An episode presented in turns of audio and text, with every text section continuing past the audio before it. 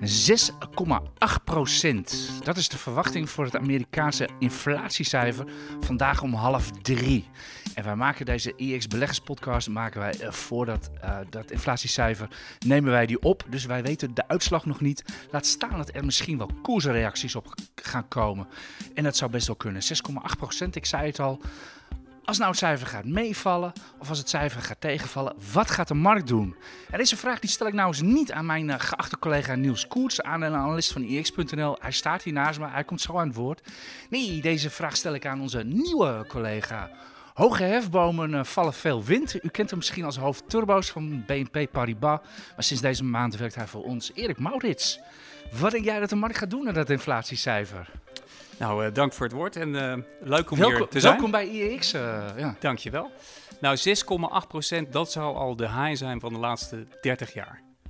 Dus als het daarboven zit, dan denk ik dat de markt de kans nog groter inschat dat er eventueel een renteverhoging sneller komt. En dan gaat de beurs omlaag. Maar denk jij dat er iets van een sell-off zou kan komen? Of zoals bij een cijfer boven, ik noem maar wat, 7%, 7,5% of zo? Ik vind zelf namelijk de beurs een beetje nerveus. Vandaar dat ik het vraag. Ja, zeker. Nou, sell-off is misschien een groot woord, maar ik, ik, denk zeker dat er een reactie te verwachten valt. Als die, als die cijfer 7, 8 is, dan, uh, ja, dan gaan we wat zien. In combinatie met overigens ook de werkloosheidscijfers. Hè, die staan ook op het laagste punt in uh, 50 jaar nu in Amerika. En de koersen ja. staan op een hoogtepunt. Kijk, de situatie is natuurlijk wel iets anders in, in de Verenigde Staten dan in, uh, dan in Europa. Omdat je met name ziet op, als het gaat om die arbeidsmarkt. Uh, die is natuurlijk ook krap in de VS. Het is in Europa het geval. Maar in de VS zie je ook echt dat de lonen uh, fors stijgen. En met name de lonen van de wat minder uh, goed betaalde werknemers. Dus de kans op een loonprijsspiraal acht ik ook daardoor ook groter in de VS dan in Europa. En dat maakt ook dat waarschijnlijk de, de Amerikaanse centrale bank, de Fed, eerder de rente zal verhogen dan in Europa.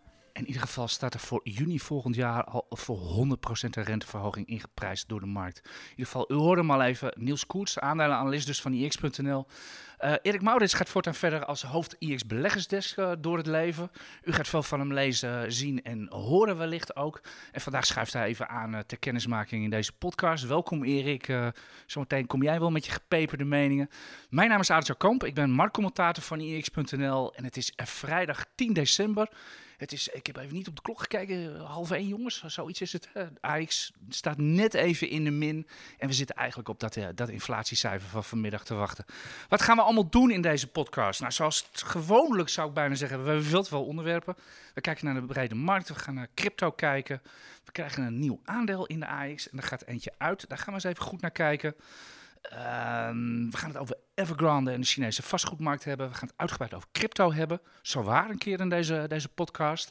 We gaan eens naar wat kleinere aandelen kijken deze week. Met, uh, met vooral nieuws natuurlijk, die goed in aandelen is. Over ASR, Brunel. Beterbed. En omdat we zoveel Vlaamse luisteraars ook voor deze podcast hebben, ook welkom Vlaanderen, ook over Akkermans en Van Haren. Ik noem het altijd het hal van, uh, van België. En Niels gaat vertellen of dat echt zo is. En dan hebben we nog weer luistervragen. Heel veel luistervragen. Jongens, ik zou Ik denk dat je nog wel iets vergeet. Ik denk ook Shell met, uh, met uh, de aandeelhoudersvergadering die aan de gang is. Daar zeg je wat. En Axel en Avantium die vandaag uh, hard gaan. Ja, inderdaad. Ik weet niet of er al een stemming is geweest. vanochtend om tien uur begon de aandeelhouders, de aandeelhoudersvergadering van Shell. Er wordt gestemd over vertrek naar, naar Groot-Brittannië. U kent het hele verhaal. er is driekwart van de stemmen voor nodig, dacht ik, voor een vertrek, voor toestemming. Ik denk dat dat er wel gaat komen. Ja, ik had, ik, ik had daar zelf over. Ik heb er nog niks over gelezen, maar ik denk wel dat dat uh, gaat Ja, dat, dat lijkt me een hamerstuk. Ja. Hè? Als zelfs de ve vereniging effectenbezitters niet tegen is, dan, uh, dan komt het wel goed. Wat zou het ABP gaan stemmen? Hebben die nog aandelen? Ik dacht dat ze voor gaan stemmen. Ik dacht dat de grote pensioenfondsen werd aangeraden om voor te stemmen. Dus ik, meestal volgen ze dat. Dus ik ga er wel vanuit. We, we, gaan, we, we, gaan de uitslag uh, straks wel zien. In ieder geval even heel snel. We, we gaan het niet uitgebreid over hebben. Axel en Avantium, ik noemde al even zijn harde stijgers vandaag. Niels, heb jij er even, even naar gekeken? Wat is er aan de hand? Nou ja, Avantium die gaan eindelijk hun fabriek uh, bouwen. Dat is, ja, het is een bedrijfje dat ja, bio-afbreekbaar plastic wil ontwikkelen. En ze waren in 2017 naar de beurs en ja, ze hadden altijd gezegd, we gaan die fabriek bouwen. En dat was iedere keer was er wel wat. Uh, een joint venture die niet doorging, waardoor ze geen geld hadden om, uh, om het te starten. Er was altijd wat aan de hand. U kunt maar de koersgrafiek nu... ook wel raden. Uh, ja, hij ging ja. voor 12 euro naar de beurs en nu staat er iets van 4 euro of ja, zo. zoiets met die stijging van vandaag. Zoiets, ja, dus, dus dat is echt een... ja, dan, je bent gewoon echt, als je daar vanaf het begin in zat, ben je echt helemaal leeggelopen met dat fonds. Maar goed, daar wel goed nieuws. Uh, Axel, uh, ja, dat is helemaal, of, ja, dat is een ACX-fonds en die gaat ook wel iets van 14, 15 procent omhoog. Op een positieve winstwaarschuwing. En waarom gaat die koers zo hard omhoog? Hij kwam redelijk onverwachts, want er, er zaten juist heel veel shorters in het aandeel. Die er juist vanuit gingen dat het bedrijf juist tegenvallende cijfers zou rapporteren. En waarom is dat het geval? Uh, omdat zij veel onderdelen produceren in, uh, dat wordt gemaakt in Azië. En daar hebben ze met name last van die problemen in de toeleveringsketen. Ja, want Axel, uh, bekend van, van, van, van merken Batavus, Koga, een hele reeks, is natuurlijk is vooral een assembleerder. Hè? In, in Heerenveen in de fabrieken worden fietsen vooral geassembleerd. Dus ja, die kunnen ook alles over de supply chain vertellen, denk ik. Oké, we, gaan, we kijken altijd eerst even naar de brede markt uh, in, de, in de, deze podcast. Uh, ik, ik zei het al een beetje aan het begin van deze, van deze uitzending. Uh, ik ben een beetje huiverig voor de markt. Ik zie de AEX zie ik niet meer zo heel snel herstellen van een dipje, zoals we dat een beetje gewend zijn geraakt. En dan kijk ik vooral naar de technologieaandelen. Aandelen, hè, tot voor kort waren... Heb jij niet opgelet dinsdag? plus 3,5% van de AX. De technologie ging plus 8. Ik zie, ik zie ze niet Grootste herstellen. stijging van, het jaar. ja. toch? Ja. ja. Ik zie ze niet herstellen. Uh, maar de andere dagen was het wat minder. Uh, ja, en, en ook vandaag. Weer. Ja, daar heb je gelijk in. Dus, uh, en ik kijk natuurlijk ook wel een beetje met een half oog naar Amerika, waar de Nasdaq, er kwam gisteren ging er een grafiekje rond van zonder de vijf grootste tech-aandelen zou de Nasdaq dit jaar in een dikke, dikke bear market zitten. Dus echt min 20% Dus vandaar dat ik een beetje dat, dat een beetje dus zeg. Een maar pleidooi jou voor, trappelen, Erik? Nou ja, dat is een pleidooi voor gespreid beleggen en ETF's. Maar nee, maar goed, naast de eerder genoemde onzekerheid over inflatie speelt natuurlijk toch ook uh, Omicron of Omicron, of hoe je het ook wil uitspreken, speelt een grote rol. Het lijkt nu besmettelijker, maar minder ernstig. Dat zou relatief goed nieuws zijn, maar goed, elke week uh, hoor je weer iets nieuws. Maar dat, uh, dat hangt een beetje boven de markt, plus China toch. Vooral China. Vol, vol, volgens mij heeft de beurs niet meer zo trekt de beurs zich niet zoveel meer aan van Omicron. Vind jij wel, vind jij wel nieuws? Nou, wat, wat mij inderdaad ook opviel was bijvoorbeeld met name bijvoorbeeld de, de corona-gevoelige aandelen wel aardig zijn hersteld. Ja, mijn, mijn stokpaardje is Basic Fit, die staat al boven het niveau van, uh, van die beruchte vrijdag dat die markt, uh, dat op dat dag dat dat nieuws over Omicron uh, kwam. Ja, twee dus, weken geleden. Ja. Juist, dus staat hij al boven dat niveau. Dus daarmee geeft zo'n fonds al aan van nou, het zal wel loslopen. Ja, le leuke term trouwens, corona-aandelen. Wat vind jij de corona-aandelen op het Damrak? Kun, de brouwers, want die hebben natuurlijk last van, want als we, nou ja, met lockdowns kunnen we minder naar de, de kroeg. En dat zijn met name, dat zijn de plekken waar de brouwers het meest verdienen. Kijk, thuis drinken. Ja, nee, noem even de, noem even de oh, namen ja. op. Niet het meteen, je gaat altijd met ja, ja, hele sorry, dat, zit er, dat zit er een beetje in. De brouwers uiteraard, uh, moet ik aan denken. Um, nou, inderdaad ook een, een basic fit. Just die takeaway PostNL. Ja, maar dan weer aan de andere kant. Ja, ja, ja. Of Air nou, France KLM. ja, ja maar dat, dat noemen wij in de podcast geen serieuze belegging. okay. dus. Nou ja, als je short dus, zit. Ja. Volgens mij is dat het enige aandeel waar de hele beurs 100% overheen is. Air France KLM, dat is geen serieuze belegging. Ja, nou ja, toch zie je het gek genoeg toch omhoog gaan af en toe. Terwijl, ja, uh, als je kijkt naar de uitstaande schulden en alles en de vooruitzichten, zou je zeggen het moet nog een uh, stuk lager. Maar ja, nou, ik hoop het al jaren, maar het, het, het, valt toch een beetje tegen.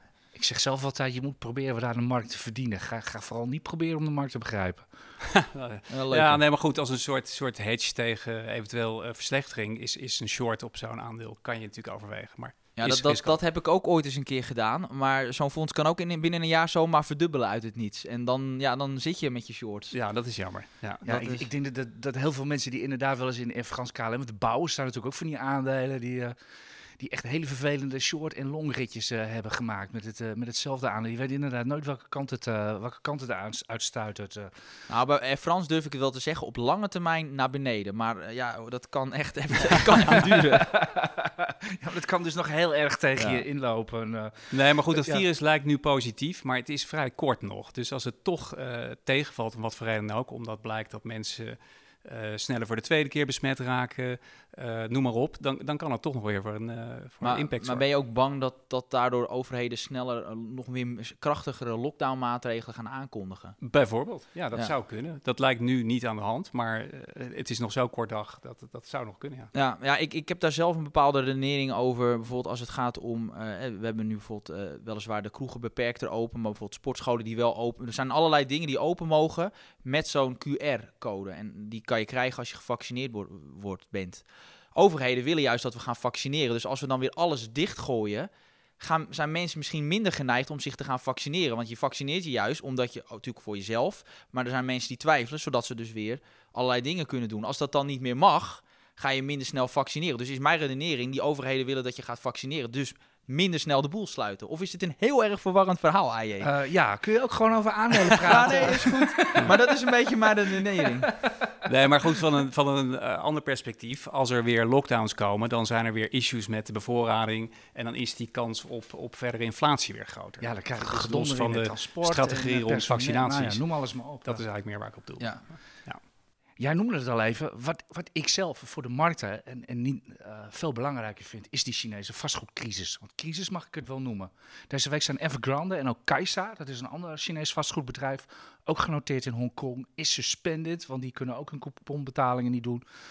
Uh, Vinden, nou, vinden, jullie dat ook? Ja, nee, dat ben ik helemaal met je eens. Dus uh, Evergrande lijkt nu uh, failliet, uh, in feite. Hij is toch Fitch failliet verklaard al? Ja, ja en de overheid, de Chinese overheid gaat blijkbaar niet helpen.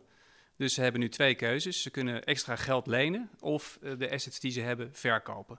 Nou, in beide gevallen geen goed nieuws. En ik las toevallig vandaag dat er in China staan nu 90 miljoen woningen leeg. Dat betekent dat je gewoon uh, elke wacht Duitser... Even, wacht, wacht even, hoeveel? 90 miljoen. 90 miljoen? Nou, is China een groot land, maar 90 miljoen woningen staan op dit moment, schatten ze, leeg. Dus elke Duitser zou in, in China kunnen wonen. Niet elk Duits gezin, elke Duitser. Ik zeg goed idee. In, in, in een woning die vrij staat. In een woning die nu leeg staat. En dan ja, maar moet, je, daar niet het, moet je daar niet het voorbehoud bij maken dat, dat Chinezen, wij beleggen hier uh, zeg maar in aandelen voor ons pensioen. Chinezen doen dat, die kopen een huis. En dan gaan ze niet in wonen of wat, dan laten ze gewoon leeg staan. Maar dat, dat is hun pensioenbelegging, gewoon een huis kopen. Exact. Is, is dat, uh, dat is, is dat van een grote invloed daarop ook? Nou, ik denk het wel. Als die huizenmarkt daardoor omlaag gaat en iedereen ziet zijn pensioen omlaag gaan, dat heeft een zichzelf versterkend effect. Ja, daar dus word je niet vrolijk van. Nee, daar word je niet vrolijk van. Nee, en dan, om maar te zwijgen van die, van die 1,7 miljoen mensen die wel al een huis betaald hebben bij Evergrande, maar ze zijn nog niet eens begonnen met bouwen en of ze dat ooit gaan doen. Nou ja, precies. En je kan zeggen, Evergrande is niet zo, het is heel groot, maar de totale, uh, hoe noem je dat? De uitstaande uh, obligaties van buitenlandse partijen is geloof ik 20 miljard daarvan. Dus dat valt mee. Ja, maar uiteindelijk de, totaal, die Chinese de totale schuld van, van Evergrande is meer dan 300 miljard. Ja, precies. Maar Om een idee te geven, uh, Lehman Brothers ging failliet, 2008 kredietcrisis, dat was 72 miljard. miljard ja, precies. Maar het percentage wat, uh, wat bij zeg maar, buitenlandse partij wordt aangehouden is iets van 10%. Dus dat valt nog te overzien. Maar als je een soort kettingreactie krijgt, dan, uh, ja, dan denk ik dat het toch wel impact heeft op de rest van de wereld. China is toch nog steeds verantwoordelijk voor een groot deel van de groei in de wereld. Dus dat uh, zal invloed hebben. Ja, als China niest, uh, worden wij ook verkouden. Niels? Ik ben al een beetje verkouden, maar uh, wel negatief getest. maar hoe kijk jij tegen, vind jij het ook een vastgoedcrisis? Of hoe kijk jij daarna? nou, het is wel een, een, potentiële zwarte zwaan. Kijk, en het is heel moeilijk om, dat, om daar een inschatting van te maken wat er gaat worden. Want dat hoor ik, ik, ik bedoel, sinds ik ben begonnen met beleggen in 2008 hoor ik al dat de vastgoedmarkt in China een, een tikkende tijdbom is. Alleen hij is nog nooit uitgebarsten.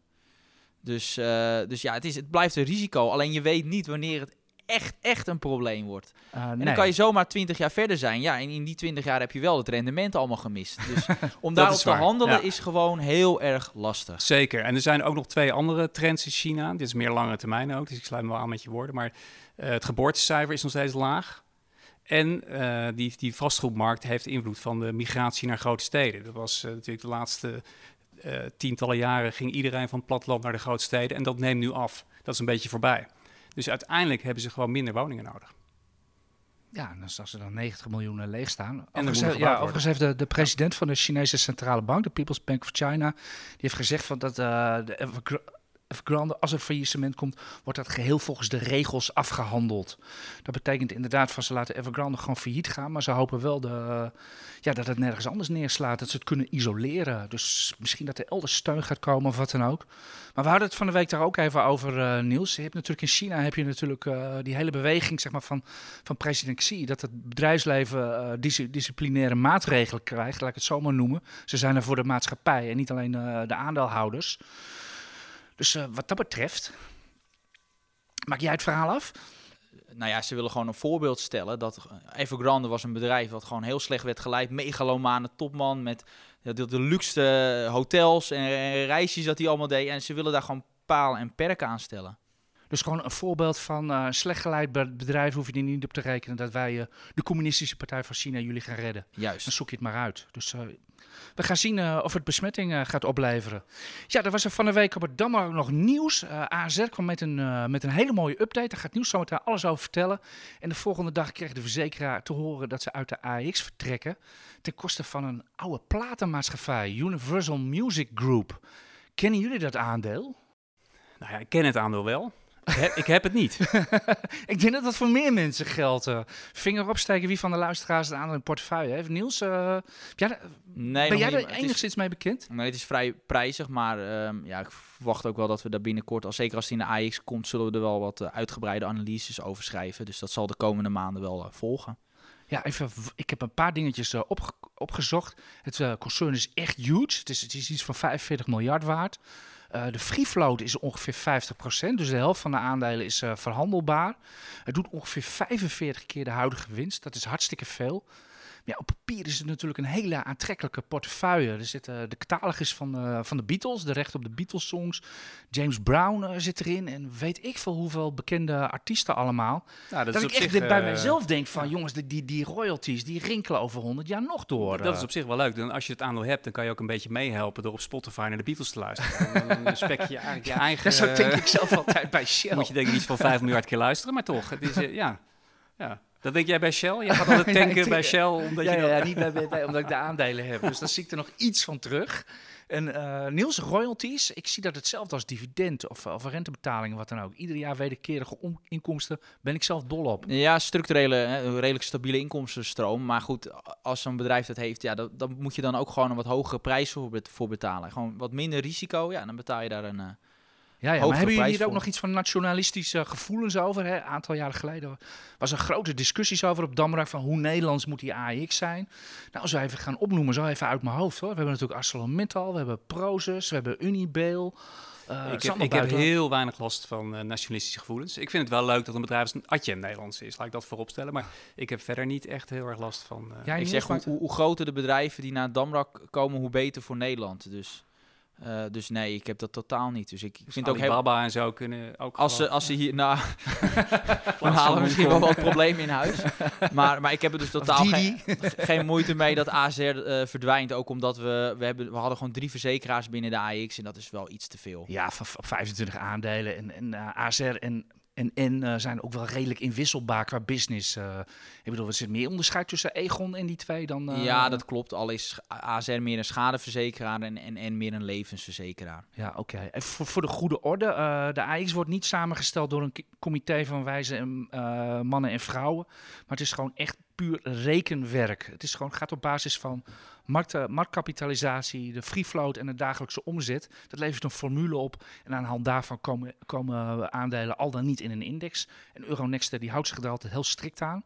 Daarom is de index ook heel populair onder professionele beleggers, want die zien wijzigingen, zien ze altijd lang van tevoren aankomen, kunnen ze op inspelen, et cetera. En met een comité zou je een heel onverwacht aandeel erin En daarom zag je ook geen koersreactie, want normaal zou je denken AZR gaat uit de AX.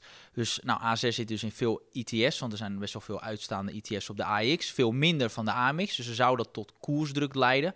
Alleen, omdat we dat dus van tevoren al weten, wordt daar van tevoren al op ingespeeld en ging AZR op dat nieuws ook helemaal niet omlaag. En UMG niet omhoog. Nee, maar het kan wel zijn dat volgende week vrijdag op het slot dat er uh, AZ gaat natuurlijk uit de AX-trekkers, dat er nog even wat uh, omzet in uh, AZ en UMG gaat ja, komen. meestal is dat er al uitgehandeld. Dus vroeger waren ja. een aantal partijen die probeerden daar echt op in te spelen en daar op het laatste moment zeg maar winst mee te maken, maar dat is heel moeilijk. Nog. Oké. We noemen de naam al even. AZR. Er was, een, ja, er was een prachtige update van de week en het werd dus beloond met een degradatie. Ja, en er had, maar het mooie was, dat was dinsdag en dat, dat bericht van hun strategie-update, echt prachtig. Niemand die daar interesse in had. Echt helemaal niemand. Ik leek wel zo'n beetje de enige. Hoe, hoe, bedoel je dat? Niemand had belangstelling? Nou ja, ik zat bijvoorbeeld RTL Z te kijken, zowel in uh, voor beurs als... Het werd eigenlijk nooit in het beursrondje gewoon niet één keer genoemd. Terwijl, ja, ze, ze, kijk, het is niet zozeer dat hun doelstellingen extreem ambitieus zijn. Laat dat duidelijk zijn, het blijft wel een verzekeraar. Maar wat ik vooral interessant vind, het dividend ging wel zo'n beetje met 20% omhoog. Naar 2,40 euro per aandeel. En het aandeleninkoopprogramma werd fors verhoogd. Dus dat is voor, voor aandeelhouders heel gunstig. En ik tel dat altijd bij elkaar op, want zowel, uh, je profiteert als aandeelhouder zowel van dividend, want dat komt direct naar je toe.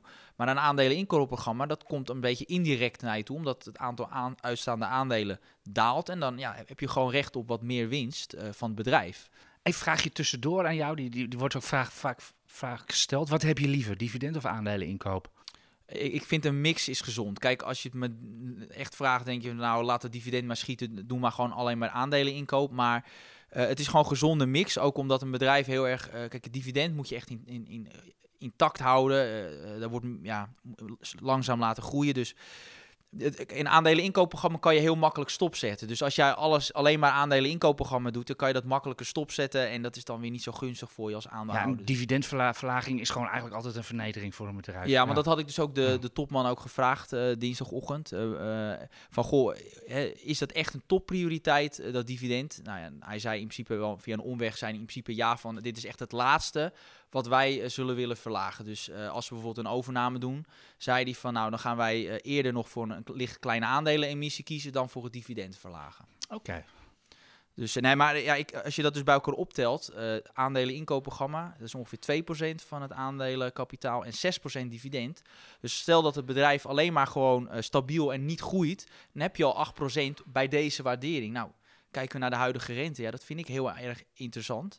En met name die, die, die stabiele inkomstenstroom van AZ is ook echt een reden waarom ik ja, sinds de beursgang in uh, 2000, ik dacht uit mijn hoofd 2016, ja, ja, ja vlak, 16, voor de, vlak voor de brexit, daardoor weet ik het weer, uh, ben ingestapt en eigenlijk nooit meer eruit ben gegaan. Dus die aandelen die ik heb gekocht uh, bij de beursgang, die heb ik nog steeds. Het is gewoon echt buy and hold. Ja. Jij hebt ze gekocht, Erik, vertelde je net. Ja, dat klopt. Ik, ik moet zeggen, ik vond het verhaal van Niels zo overtuigend dat ik, dat ik er ook wat aandelen gekocht heb. Oké. Okay. Bij mij verhuizen ze van de AX naar de AMX trekker. Dus, uh, Heb jij een zo... AMX trekker? Ja. Oké. Okay. Dus dat maakt voor mij niet zo heel veel, uh, maakt voor mij niet zo heel veel uit. Uh. Maar net wat ik zeg, ben jij het overigens mee eens? Vond jij in, in, in AZ en de AX 25 aandelen ook niet een beetje te veel van het goede? Nou ja, als ze er naar presteren, en ik vind het op zich wel aantrekkelijke aandelen gezien dat dividend, dan, dan maakt het mij eerlijk gezegd niet zoveel uit of er iets meer van het een of het andere in zit. Dat zal over tijd wel terechtkomen, zeg ik dan. Maar uh, ja, gevoelsmatig is het leuk om meer spreiding te hebben over sectoren. We krijgen er, we krijgen er nu uh, muziek bij. Laten we hopen dat het ook muziek gaat geven. Uh, maar nog iets zeggen over AZ of wat dan ook? Of, of kunnen we door naar Brunelle? Ja, nou ja, op zich de doelstellingen allemaal een beetje wel volgens verwacht. Met name wel dat ze... het is gewoon saai, hè? Maar goed. Ja. ja, maar daar hou ik dus van. Ja, ik ook. Ja. Dus ja, als het om beleggen gaat, ben ik misschien wel... ja, hoe, hoe, moet ik dat zeggen? Een Conservatief. Ja, ja conservatief. een oude geest heb ik als ja, het gaat ja, om ja. ja, maar het is natuurlijk wel leuk. Ik bedoel, in, in, in dit, dit, dit tijdperk, het gaat natuurlijk alleen maar over, uh, over rendementen, et cetera. En uh, ja, om het dan gewoon weer over geld verdienen, uh, et cetera, te hebben. dat is natuurlijk wel weer even een hele andere koek. Over geld verdienen, et cetera. Ik was volgens mij in een rondje al te makkelijk over het onderwerp heen gegaan. Misschien is dat wel leuk om even eerst te doen voor Brunel. Dat was natuurlijk met, met crypto. En jij hebt een hele, hele bijzondere quote van de AFM, uh, Erik. Nou ja, ik, had, ik had naar aanleiding, de AFM kwam deze week met een update over de cryptomarkt in Nederland. En ze zeiden er zijn 1,2 miljoen Nederlanders die in crypto beleggen. Twee derde belegt minder dan 2500 euro. En de helft ervan ziet het als een gokje. Dus nou ja, het valt allemaal wel mee. Dat is niet helemaal wat ze zeiden, maar dat vond ik de teneur van hoe ze het naar buiten brachten. Geen systeemrisico of, nee, of en dat legio lease of wat dan ook. Dat, dat is het mis, misschien ook niet. Maar er stond ook in dat uh, eh, 42% in crypto zit omdat de spaarrente zo laag is. Nou, als je dat omrekent, dat betekent dat er zo'n 500.000 Nederlanders beleggen in crypto als alternatief voor sparen. En dat vind ik veel en dat vind ik gek. Ja, dat is uh, even een compleet ander risicoprofiel. Uh. Ja, precies. En, en, en um, nou ja, goed. Ik, ik vind dat uh, enigszins zorgwekkend. En uh, voor de goede orde, voor dat, uh, ja, voor kun je even kort uitleggen waarom, waarom je dat vindt? Ik, ik zeg iets van risicoprofiel voor mensen wie het nu duizelt. Nou ja, als je, spaargeld is natuurlijk geld wat je niet riskant wil beleggen. En bitcoin is afgelopen weekend in een paar uur met 20% gedaald. Nou, daar wil je niet je spaargeld in hebben. Zo simpel is dat. Ik ben overigens niet onenthousiast over coins in zijn geheel en, en met name blockchain. Maar ik denk niet dat mensen dat moeten verwarren met sparen. Maar goed, ik had die, dat rapport kwam uit deze week na dat weekend, waarin Bitcoin en andere coins 20% gedaald werden. En dat vond ik wel goede timing van, van de AFM. Dat ze natuurlijk, als je natuurlijk een rapport uitbrengt, het is allemaal heel gevaarlijk, maar bitcoin staat op 100.000. Denk je, waar heb je het over? Maar na zo'n weekend komt dat beter aan. Dus ik had de AFM een aantal vragen gesteld, maar onder andere had ik in mijn artikel geschreven dat ik het een magistrale timing vond van de AFM. Uh, en daar reageerden ze vrij laconiek op en zeiden nou, uh, nee hoor, dat was geen market timing, dat was gewoon toeval. Maar uh, toch bedankt, iets dergelijks. ja. Nou gelukkig, ze zijn wel nuchter bij de AFM, dat is goed zeker, om te weten. Ja. Nou, maar ik, ik vind wel die uh, Jose die er nu aan de gang is, bijvoorbeeld bij, bij, bij in, de, in de coinmarkt, het is toch verschilt wel echt met bijvoorbeeld de jaren 2000. In de jaren 2000 dacht echt iedereen nou, uh, we zijn in een nieuw tijdperk beland. ja, this time it's different. Juist, risico bestaat bijna niet meer. Het gaat alleen maar up. En bij uh, de, de, de bitcoins en de crypto's. Ik, ik, vond dat ook wel mooi uit het onderzoek dat dat bleek. Dat, ik geloof dat wel een derde zei van ja, een heel groot risico is dat ze gewoon heel hard weer dalen. Heel op, op een op Ja, daar ben ik toch niet helemaal met je eens. Want er zijn toch wel duidelijk ook mensen die denken dat dit de wereld gaat veranderen. En die vergelijking met internet is vrij goed. Je had natuurlijk de, de internetbubbel. Nou, de internet bestaat nog en internet is zeg maar het blockchain in het verhaal. Maar heel veel van die internetaandelen uit de eerste hype, die bestaan niet meer. Pet.com, noem ze maar op. Netscape. Uh, precies, dus dat zou met, uh, met de crypto hetzelfde kunnen zijn. Dus er is wel blockchain en dat wordt denk ik veel groter, belangrijker, et cetera. Maar zeker niet al die coins uh, van nu gaan dat nee. uh, overleven. En misschien wel je hebt er zelf wordt ook het allemaal verboden. Je hebt er zelf ook een hele zwikke. Je Pancake Coin, hoe gaat het aan? Pancake Swaps, ken je die niet? Nee. Nou ja, ik, ik, heb, uh, ik heb ook min of meer uit onderzoek heb ik zo'n rekening geopend om te kijken hoe makkelijk dat gaat in vergelijking met andere risicovolle producten. En je kan heel makkelijk hele gekke dingen kopen waar je geen enkel idee van hebt wat je koopt, wat de kosten zijn, hoe het werkt. Dus de Shiba Inu, die kan je zo kopen? Ja, die heb ik ook toevallig. Okay. Ja, ja, nee, maar dat, uh, nou ja, noem ze maar op, Ravencoin, Vitor tokens. Nou, het is echt, je kan Dogecoin. geen... En er is dus blijkbaar ook een coin die heet iets, iets met Omicron. Nou, die is meteen een paar duizend procent gestegen, omdat er een Omicron-virus is. Dus, ja, je moet je, gewoon mazzel hebben. Hè? Ja, ja. Mazzel is misschien wel het woord. En, en bij Ethereum en, en Bitcoin zijn ook wel fundamentele verhalen te bedenken. Maar sommige van die hele kleine coins is natuurlijk gewoon... Uh, ja, iedereen kan gewoon, kan gewoon zelf een coin beginnen. Kan je binnen een paar uur regelen. Nou ja, en dat is dus het punt. Als je dus nu uh, de reclames voor risicovolle financiële producten zijn terecht, zijn aan regels gebonden. Maar als je nu luistert naar die reclames van sommige van die crypto-aanbieders, dat wordt ook echt impliciet met de rente vergeleken. En dat vind ik, uh, vind ik niet zo sterk. Uh, in de reacties op mijn artikel stonden ook mensen die hadden het over de reclame voor casino's. Dat begrijp ik ook. Dus als je nu de reclames luistert, dan, ja, dan zie je Wesley Snyder, die, die lult je in een casino. en dan doe je de radio aan en hoor je iemand die zegt, je moet in bitcoin omdat de spaarrente zo laag staat. Dat vind ik gek. Ja, misschien nog een tip om die reclames gewoon niet meer te luisteren. Om gewoon Ja, naar een en, ander eh, programma weg Ja, te en op zetten. Twitter word je de hele dag, eh, krijg je de, de advertenties Nee, dat- van de staatsloterij onder je Natuurlijk, je, moet, je, moet, eh, je, kan, je hebt een keuze. Maar toch zie je dat als mensen veel reclames horen over iets... en dat blijkt dus ook als er inderdaad 500.000 mensen in crypto zitten... omdat ze denken dat het misschien iets alternatiefs versparen. Reclames hebben natuurlijk toch invloed. Ik denk het ook, die zijn natuurlijk niet helemaal gek. Anders eh, zouden ze het ook niet doen natuurlijk. Oké. Ja. We zijn een half uur onderweg. Ik denk dat we eerst maar even, voordat we nog naar die andere aandelen gaan... we eens even lezersvragen doen, eh, Niels? Helemaal goed. Ik, eh, we hebben er weer een, echt een heel veel binnengekregen. Vol. Ja, we gaan dit keer iets korter beantwoorden. Eh, dat, In verband met de tijd. Ja, om het ook wat overzichtelijk te houden. Eh eerste vraag van So Long. En ik denk eh, ze wel een mooie vraag voor Erik. Na een mooi beursjaar zit er wellicht een wat mindere periode aan te komen. Via verschillende kanalen hoor ik over jezelf indekken middels bijvoorbeeld put-opties. Hoe kijk jij naar deze hier tegenaan? Zou So Long de echte naam zijn? Of zou die so, so short eh, zitten dat hij... Eh, Ja. nou ja, Zo dat long is- en dan berries. Ja, dat kan. Ik denk dat het een goed idee is om, als jij verwacht dat de markt omlaag gaat, om daar wat mee te doen. En dat kan met eh put-opties. Alleen de volatiliteit is nu heel hoog, dus put-opties zijn heel duur. Dus je kan bijvoorbeeld eh put-opties kopen en dan op een lagere strike eh, eh, schrijven of hoger. om op die manier in ieder geval de, de kosten te beperken. Maar met put-opties of turbo's een klein beetje van je portefeuille afdekken, vind ik zelf geen slecht idee. Het meest aantrekkelijk is inderdaad om dat te doen op momenten dat er gewoon helemaal geen volatiliteit is. Want dan zit er nauwelijks premie in die, eh, in die, in die put-opties. Ja, precies. De vergelijking is altijd dat je je huis tegen brand verzekert op het moment dat, eh, Ja. dat de brand al uitgebroken is. En dan betaal je natuurlijk veel. Ja. Maar goed, door een, een, ook een beetje te combineren met opties schrijven, kan je dat beperken en wel iets van je downside Ja, beperken. maar dan moet je natuurlijk wel redelijk wat kennis hebben van de materie natuurlijk. Exact. Dus wat dat betreft kan je misschien beter gewoon een deel van je portefeuille verkopen. Of toch gewoon denken, ja, timen ik doe er niet aan, ik beleg voor mijn pensioen en over 30 jaar zie ik verder. Ik weet niet hoe oud zo long is, maar... Dat is altijd een beetje mijn strategie. Als je echt een lange horizon hebt, dan denk je van, weet je, dan, dan kan je er tegenaan lopen tegen een crash. Maar uiteindelijk gaan markten gemiddeld gezien omhoog. Dus zou ik met indekken, zou ik dat... Uh, nou, zeker. Ik doe, en, ik, en doe, de- ik doe het zelf ook bij mijn ETF-portfolio. Ik koop natuurlijk al maandelijks, daarmee ben ik al ingedekt. Dus ik hoef nou, voor niks precies. te doen. Dus de, de, de AJ-strategie van maandelijks bijkopen, dat denk ik dat dat een goede strategie is voor het grootste deel van je portefeuille. En in zekere zin dek je je daar dan ook hier tegen in. Want ook als het omlaag gaat, dan koop je gewoon lager in. Eh, dus dat is uiteindelijk de lange termijn het beste. Mooi. De volgende vraag. Arend Jan, je hebt het soms over dat je meer naar dividendaandelen wil met je nadere pensioen. Hoe vind je nog een passende ETF als het om dividend gaat? Menno 87. Menno, dan moet ik denken aan de Menno van Hoven van Beleggersbelangen met zijn dividendportefeuille. Dat zal wel toeval zijn. Zou die ons testen? Nee, denk ik Menno niet. is 87, denk ik. nee, oké. Eh, dividendentrekkers eh, en ETF's, die zijn, er, die zijn er zat bij iedere broker. Eh, Wat vind je de meest interessante? Ik kijk zelf het meest naar de dividend aristocrats. Dat zijn, dat zijn zeg maar de echte hardcore dividendgroeiers. Ja. Want dividendrendement is natuurlijk één. Dat is gewoon het actuele getal op het bord. Maar ik vind het zelf veel interessanter hoe hard groeien de dividenden bij eh, bedrijven. Jij noemde al even ASR, dat met 20% het dividend verhoogt.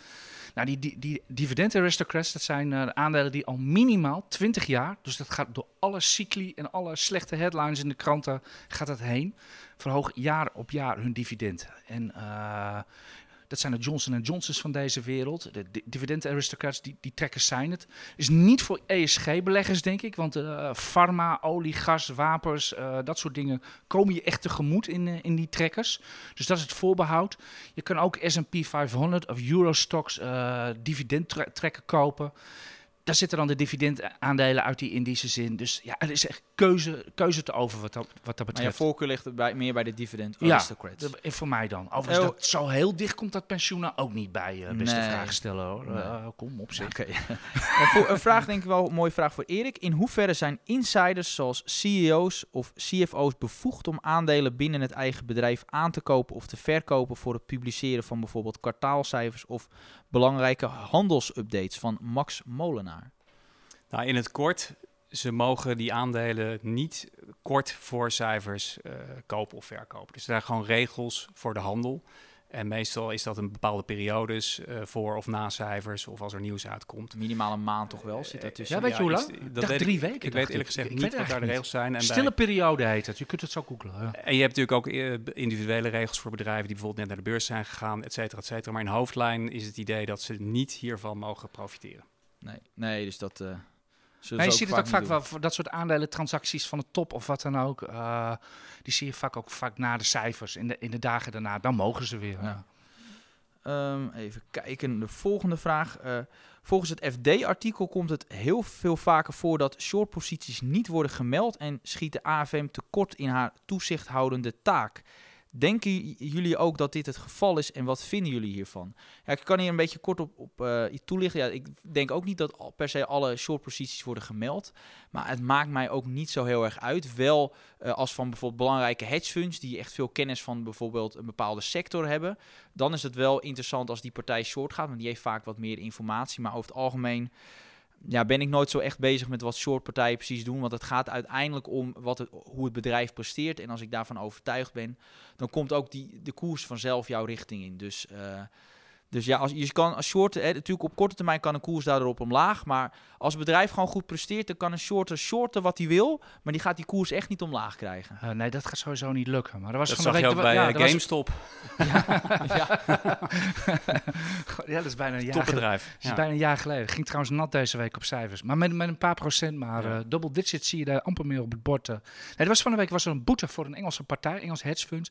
250.000 euro van de AFM. Want ze hadden short posities inderdaad niet, eh, niet gemeld. Eh, eh, ja, ik denk gewoon... eh, ja, ik denk AFM doe je werk. Ja. Ja, wat moeten wij daar verder over zeggen, Nee. toch? Ja. Nee, maar inderdaad, ja, goed, dat Ja. was het. Eh, Erik, voor jou, hoe kijken jullie, of hoe kijk jij naar het risico van delisting van Chinese ADR's? Wat gebeurt er als je ze hebt? Frank van Zeil. Ik, denk dat de kans vrij groot is dat eh, meer en meer bedrijven weggaan uit New York richting Hongkong. Die, die zal niet de laatste zijn, denk ik. Eh, dus dat, wat dat betreft is dat een realistisch risico. Wat er dan gebeurt, Uh, voor zover ik weet is het of zo dat je uh, de mogelijkheid hebt om die aandelen over te zetten. Dus je krijgt dan zeg maar gewoon nieuwe aandelen in die Hongkong-listing. Of je krijgt bijvoorbeeld het recht om dat in de toekomst te doen. Wat dat uitmaakt voor de koers, dat is uh, heel erg de vraag. Maar je houdt in feite je aandelen, maar dan met een andere listingplaats. Ja, en, en valuta. Ja, ja, ook. Maar nou, ja, het bedrijf verdient natuurlijk nog steeds gewoon ja, maar valuta wil nog wel eens van invloed zijn. Uh, op ja, maar goed, stel over Alibaba, die verdient toch over het algemeen nog in China het geld. Of je dan een notering hebt in dollars of in de, de valuta in Hongkong. Ja, dat maakt niet zoveel uit wat mij betreft. Laten we daar maar niet over Maar goed, in ieder geval is het wel zo. Uh, meestal gaat de waardering wel wat verder omlaag. Omdat in Hongkong gewoon bedrijven lager worden gewaardeerd dan in de Wall Street. En dat is ook bijvoorbeeld de reden, de dreiging van een delisting, dat de koersen van aandelen zakken van de Chinese fondsen. Het is natuurlijk niet voor niets dat bedrijven allemaal naar de Nasdaq willen. Hè? Daar staan gewoon de hoogste waarderingen. Dus. Nu een vraag van Jorg 1992. Dan ook de laatste, want we, ja. moeten, want we gaan hard Zeker. op de tijd. Ja, ja, nee, ik heb er in ieder geval iets meer uh, opgepakt. Wat is jullie kijk op het aandeel Unilever? Ik heb het aandeel nu een jaar, maar het heeft maar weinig opgeleverd, AJ. En waarom uh, moet je mij hebben dan? Nou ja, jij bent toch een beetje de Unilever-man. ik weet dat jij gek op Unilever bent. ja, de koers, de koers bakt er niet zoveel van concern zou ook wel wat beter, beter kunnen presteren.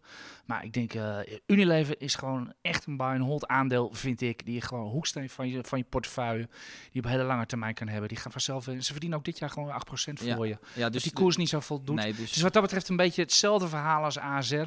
Wij kijken gewoon naar wat bedrijven verdienen en of dat op lange termijn eruit gaat komen. Dat is bij Unilever altijd gebeurd. Wij kijken niet alleen maar naar wat het hoogste rendement heeft gehaald dit jaar. Nee, dus, kijk uh, vooral bij Unilever iets verder dan een jaar. Maar ik had er niet op gerekend dat het aandeel zo slecht zou liggen dit jaar. Dat is absoluut waar.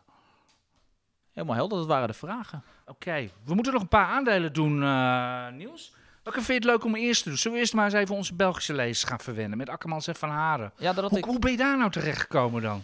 Nou, ik ben een beetje de holdingman van, uh, van IEX. Dus ik kijk veel naar uh, beursgenoteerde investeringsmaatschappijen. En uh, ja, daar maak ik dan af en toe een analyse van. En dit keer pakte ik Akkermans en Van Haren op. Ik noemde het al even het Nederlandse hal. Uh, klopt dat? Wat vind jij ervan? Ja, ze hebben bij, het, mooie vergelijking. Beide hebben ze de afgelopen 30 jaar een enorme outperformance gehaald ten opzichte van uh, de brede markt.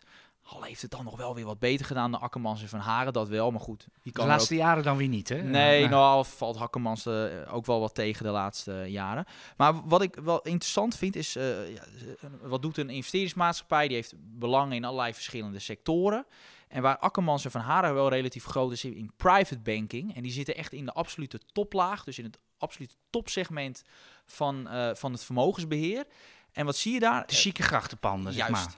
En uh, wat, wat zie je instroom bij de, die vermogensbeheerders? Het is uh, Bank van Breda en Delen Private Bank. Ja, prachtige namen allemaal. Uh, en wat zie je dus instroom? En wat zij slim doen is hun fees. Dus de jaarlijkse afdracht die beleggers moeten doen om daar te mogen beleggen, die doen die toch wel behoorlijk verhoogd afgelopen jaar. Dus uh, ja, dan zul je echt zien dat, uh, dat met name dat onderdeel uh, goed zal presteren dit jaar. En ik denk ook volgend jaar. Oh, dus, dus zeg maar waar aan de, de, de onderkant, de brede markt, waar de kosten omlaag gieren, zeg maar. Hè, kijk naar wat, wat trekkers. nu kost het nog maar een paar tienden van een procent. Twintig jaar geleden betaalde je echt nog anderhalf, twee procent voor een gemiddeld beleggingsfonds, wat gewoon een benchmark volgde. Maar dan zie je dus aan de bovenkant van de markt, ja. dus de echte rijken, zeg maar dus die echt voor iedere 0,1% naar de Cayman-eilanden gaan, die willen dit soort tariefverhogingen dan wel betalen. Afgrond betaal je daar een procentje. Dus dat is toch wel, toch wel een verschil. Toch denk ik dat ik echt voor dit topsegment wel een markt zal blijven. Omdat ja, het voelt toch wel prettig. Hè? Je kan dan, ja, het is ook gewoon meer van ja, bij, het, bij het familiefeestje kan je toch maar zeggen dat je bij, uh, ja, ja, bij zo'n chique vermogensbeheerder zit. Het geeft ook een bepaalde status. Ik denk met name vermogensbeheerders aan de onderkant van de markt zullen het echt moeilijk krijgen. Puur vanwege die ETF's die er zijn. Uh, maar die aan de bovenkant, ik denk, dat zie ik nog wel een uh, kansrijke belegging. Verder heeft Akkermans ook wat marineactiviteit, een beetje vastgoed, zelfs wat zorgvastgoed. En ze zijn aandeelhouder van Mediahuis. En dat is dan weer de moeder van De Telegraaf. Ja, en inmiddels alle Nederlandse kranten zo ongeveer, toch? Ja, zo'n beetje, ja. België bepaalt hier het nieuws. dus, Heb jij er iets mee, uh, Erik Akkermans? Nou, ik vroeg me af, wat is de discount? Want dat soort uh, aandelen hebben altijd een uh, discount ja. op de fair value. Bij, bij. Wacht even, wat, wat, is precies discount op de fair value? Dat is wel heel erg technisch. Nou, simpel gezegd, als je de waarde van alle onderliggende posities en aandelen zou optellen, is het hoger dan de waarde die er nu op dit moment voor het aandeel betaald wordt. Oké. Ja, de beurswaarde ligt ook bij Akkermans van Haren significant over, wat het, eh, over echt de, de waarde van hun posities. Dat is ongeveer 20%. Ja, ja. Nou heb ik ook altijd geleerd dat een discounter niet altijd uit hoeft te lopen. Nee, maar daar hoef je bij Akkermans van Haren ook niet per se op te rekenen dat het eruit loopt. Maar desondanks is dat wel interessant voor de lange termijn. Want door die discount die er in het aandeel zit, krijg je ook verhoudingsgewijs net even wat meer dividend omdat uh, ja, uh, de koers is gewoon lager. Dus je hebt het op een wat, lager niveau kan je instappen. Wie heb jij liever, Hal of Akkermans? Op dit moment eh Akkermans en Van Haren. Maar, dat, je- maar het, het verschilt niet heel veel hoor. Oké, Dat Heb je echt- ze zelf ook of niet? eh? Eh, nee, nee, nee. Nee. nee, ik heb ze net de tip gegeven, dus dan vind ik het niet zo chic om dan ook zelf positie te nemen. Dus want ik, ik volgde het aandeel eerder namelijk nog niet. Dus ik ben echt gestart deze week met volgen. Dus ik geef, een koop, geef een koopadvies en dan ja, wellicht koop ik wel bij de komende periode. Dat kan. Oké, kun je nog even in een paar zinnen, want we, we zitten echt al tegen drie kwartier, dan kun je een paar zinnen nog even Brunel en Beterbed eh vertellen, want die hebben jullie op koop gezet deze week? Of, Nou, eh, en jullie, dat is dan de beleggersdesk de- van, ja, van EX? Over Brunel zijn we wat enthousiaster geworden. Het was echt altijd onder de eh uitzend, uitzenders was het altijd een beetje het, zwak, het, slappe, ja, het zwakke broertje. Met name door echt ja, een dramatisch eh, Oh, prestatie. gast denk ik dan altijd Ja, meteen. ook, ja. maar ze hadden ook een, een avontuur in de, de Verenigde Staten. En daar hadden ze ook iets voor elkaar gekregen. Dat is wel drie jaar geleden, maar dat wil ik toch even noemen. Daar hadden ze een keer, dachten ze, nou, dan hebben we een mooie opdracht binnengesleept van 12 miljoen. Maar een jaar later moesten ze er al 20 miljoen op afschrijven. Dus die afschrijving is hoger dan überhaupt de waarde van de opdracht. dat kon dus Brunel, dus dat was altijd een gedoe. Maar nu, eh, nu, nu zien we toch de, de prestaties wat aantrekken. Slimme overname gedaan in, in de markt voor duurzame energie. Dus, eh, dus ze- ook zij zijn in transitie. Dus eh, ja, de desk is daar wat positiever over geworden. Maar echt de, de volledige analyse kun je op de, op de site eh, lezen. Oké. En dan in één zin, Beterbed, populair onder onze lezers. eh. Ja, daar was wat gedoe over. Want ik had afgelopen gisteren, of eh, ja, donderdag dan, eh, een stukje over geschreven. Want ik was gaan kijken naar hun leaseactiviteiten. Dat is sinds eh, september kun je ook bij Beter Bed een eh, bed leasen. Box, boxspring leasen. Ja. Waarom jij- zou je dat zou, doen? Zou je een bed leasen? Nou ja, dat hangt dus af van de prijs. Dus ik dacht, ik ga dus even kijken. Oh, niet van je Ik- nachtrust. Nee, dus ik, ik dacht, ik ga dus even kijken wat het kost om, om de goedkoopste bed bij Beter Bed te leasen. Dus nou, ik, ik opzoek 1800 euro in een periode van vijf jaar. Moet je dan maandelijks betalen? of, Maandelijks, eh, ja, dat is iets van drie tientjes ik per maand. En als je datzelfde boxspring direct zou kopen, betaal je 1400. Dus er zit al een groot verschil in. Maar eh, als je hem leest, dan is hij niet van jou. Die kan je na vijf jaar kan je die wel kopen. Dus ik denk, nou, ik bel even de klantenservice van, goh, wat is dat restbedrag? Want dat kon ik niet vinden op de site. En dat is toch wel belangrijk, hè? Wat het restbedrag Wacht je moet bent, echt, je betalen. bent echt, je bent echt empirisch bezig ja, ik denk, als ik, ik analist, deed net alsof dat ik, dat, dat ik een bed wilde. Ja, ik, heb, ik heb eerlijk gezegd twee jaar geleden het bed bij Swiss Sense gekocht. Maar goed, Niet geleased. concurrent. Laat ze het maar niet horen. Nee, maar in ieder geval, dus ik dacht van nou, ik ga eens eventjes kijken. Maar dat wisten zij dus ook niet. Oh. En dat vond ik nogal opvallend, want dat is, ik bedoel, ik ben een analist, maar als je dus gaat, gaat vragen, denk je van nou, als je een bed leest, dan wil je wel weten, als je hem na vijf jaar dan kan overnemen, hoeveel dat is. Wisten ze niet, dat vond ik apart. Dus ik denk, vraag maar, is er niet iemand anders geweest die ook die vraag eh, heeft gesteld? Nou, toen was het antwoord heel ongemakkelijk, was dat allemaal. Was het antwoord nee. Nou, dan kan je twee eh, ja, conclusies trekken. Eén, de mensen die een bed willen leasen kunnen echt niet rekenen of willen het niet. Of twee, het loopt niet echt storm. En ik vermoed een beetje dat laatste, omdat het Heb je het nog gecheckt bij IR of zo? Bij, Eh, bij, ja, ik kon ze niet zo goed bereiken. Dus ik heb ge- had geen reactie nog van het bedrijf. Maar ik, ik blijf nog steeds wel enthousiast over het bedrijf al- als geheel. Hè. Dus je ziet wel de laatste tij- tijd ze groeien sneller dan de markt. Dus ik blijf over het bedrijf aan zich gewoon positief. Alleen die leaseactiviteiten, ik vrees niet dat dat hem gaat worden. Jij begon te lachen, Erik, hierom. Dus ik neem niet aan dat jij het overweegt. Ik zou, nee, ik zou, nou een bed misschien, maar een matras zou ik bijvoorbeeld ook niet, echt niet. Lakens. Nee, Eh, nee, nee, voor mij niet. Knuffel. Hè, en, en, en het is natuurlijk ook, ook wel een verschil met bijvoorbeeld auto's. Is het aankoopbedrag veel hoger. Dus als het aankoopbedrag heel hoog is, is leasen wat sneller wat aantrekkelijk. Omdat je dan ook wel. En dus ik snap dat je dan wat lastig is om het in één keer te betalen. Maar bij een bed. Ja, 1400 euro. Ja, goed. Dat, Ja, ik hou zelf op de beurs van wederkerige inkomsten. En ik heb een hekel aan weer wederkerige uitgaven als Ja. abonnementen, et cetera. Want het zijn natuurlijk op lange termijn net zulke killers als dat dividend oplevert. Eh, dit, was al, dit was alweer de, de beurspodcast. Of willen jullie nog famous last words doen? Of, eh, Ik, Volgende week gaan we daar nog even bij volgende, stilstaan. Ja, volgende week. Echt, het is echt de laatste beursweek met echt een agenda volgende week. Want dan hebben we zowel een FED als een ECB-rentebesluit. FED is natuurlijk alles al over gezegd. Maar eh, misschien gaat hij nog wel meer zeggen. En I is natuurlijk eh, de voormalige Mr. Transitory, Jerome eh, Powell, de voorzitter van de FED. En de ECB, ja, er had er dus iemand van de ECB had al ge- gezegd van... eh loopt misschien wel een beetje uit de hand met die, met die QE. We gaan kijken wat mevrouw Lagarde deze week over zegt. Heel veel succes op de beurs vanmiddag. We duimen voor het inflatiecijfers. Prettig weekend alvast. Bedankt voor het luisteren. En tot volgende week bij de EX Beurs Beleggerspodcast, moet ik zeggen. Hartstikke bedankt.